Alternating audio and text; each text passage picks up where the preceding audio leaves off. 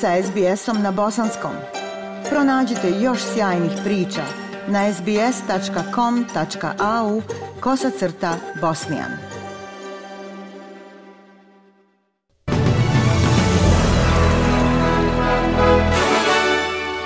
U današnjim vijestima poslušajte upozorenje o teškim vremenskim prilikama i dalje na snazi u Queenslandu.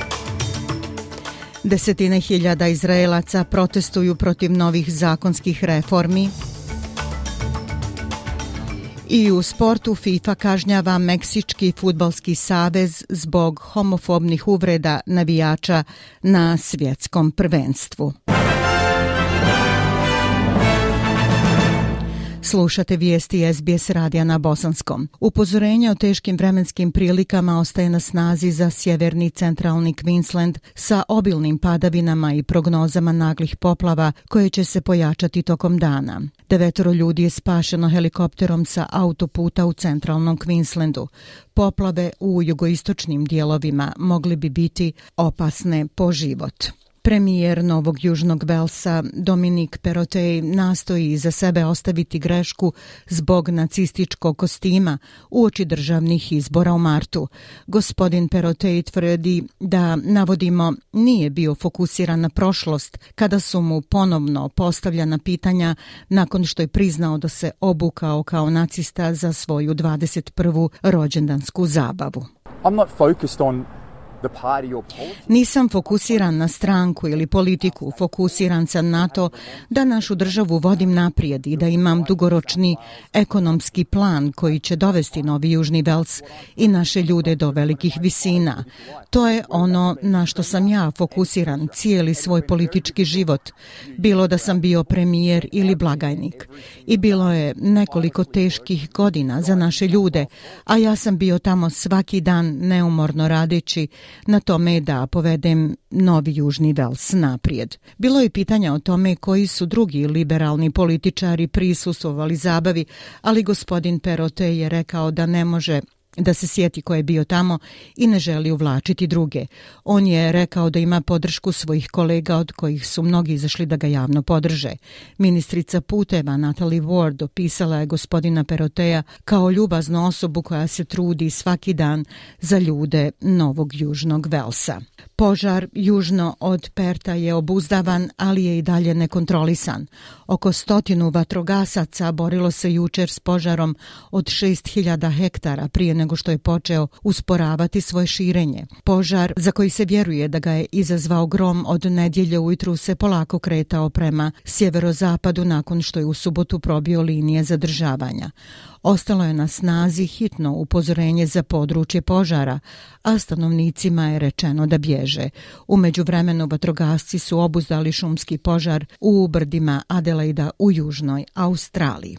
Porodica i prijatelji pokojnog kardinala Đorđa Pela odaju mu počast dok je pogrebna misa održana u subotu u Vatikanu. Katolički nadbiskop Perta Tim Costello rekao je da je sahrana bila prikladna počast kardinalu. Nadbiskup je priznao da je zatvaranje pokojnog kardinala utjecalo na sliku koju je imao u javnosti, ali je rekao da će biti zapamćen kao Boži čovjek. I think that's obviously been a major feature of Mislim da je to očigledno bila glavna karakteristika svačijeg razumijevanja kardinala Pela u posljednje vrijeme.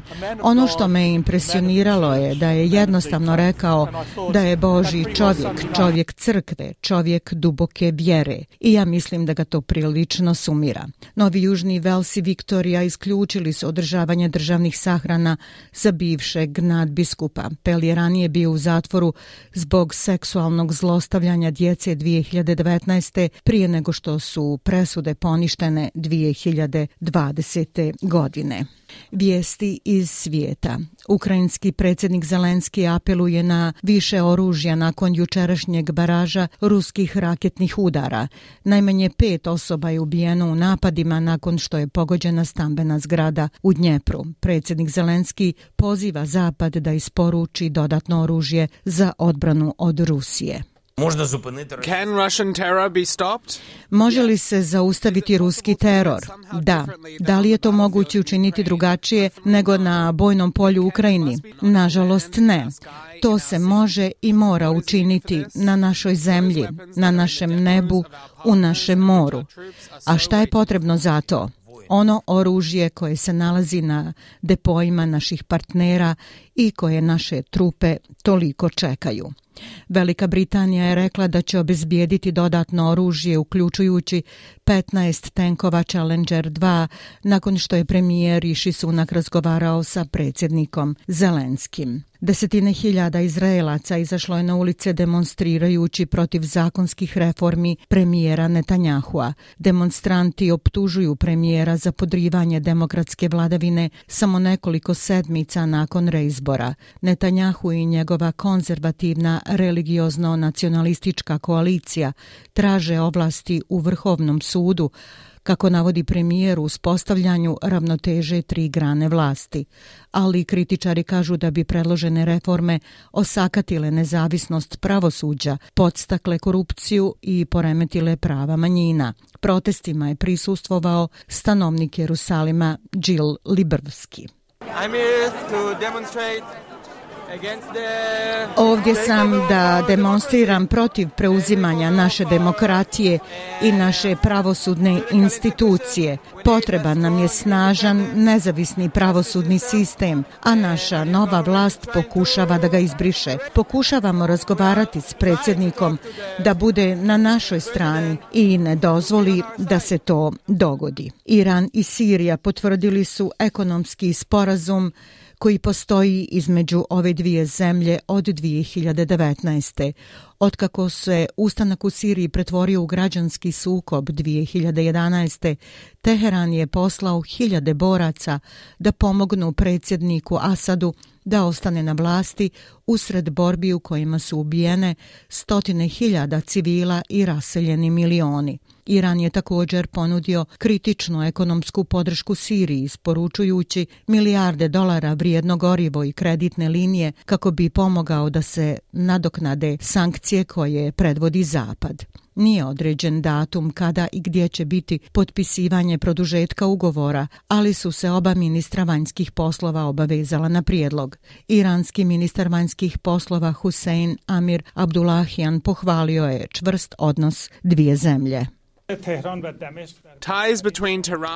Veze između Teherana i Damaska su u najboljem izdanju. Njegova ekscelencija, predsjednik Bashar Asad, je također uvjerio da je rukovodstvo obje zemlje odlučno proširiti odnose.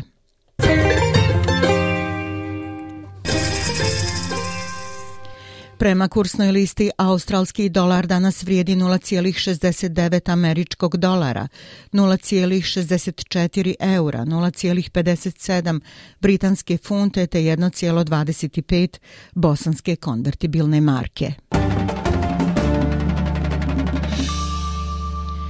Vijesti sporta FIFA je kaznila Meksički futbalski savez zbog homofobnog skandiranja koje su navijači koristili na dvije utakmice svjetskog prvenstva. Meksički savez je kažnjen sa 155.000 dolara od strane Međunarodnog upravljačkog tijela, a Meksiku je također naloženo da odigra jednu utakmicu bez navijača. Sankcije su rezultat toga što su navijači prekršili član 13 disciplinskog kodeksa FIFA tokom utakmica protiv Poljske i Saudijske Arabije u Kataru.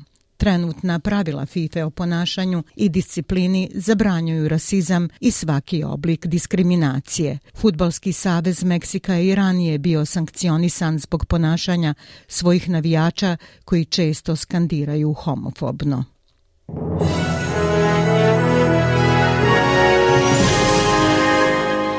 I za kraj vijesti poslušajte temperaturne vrijednosti za veće gradove u Australiji. U Pertu sunčano 32, Adelaidu također sunčano 29, u Melbourneu oblačno 21, Hobartu također 21, u Kamberi mogući pljuskovi 31, u Sidneju sunčano 29, Brisbaneu oblačno 29 i u Darwinu pljuskovi 31 stepen. Bile su ovo vijesti SBS radija na bosanskom jeziku. Ja sam Aisha Hadži Ahmetović. Ostanite i dalje s nama.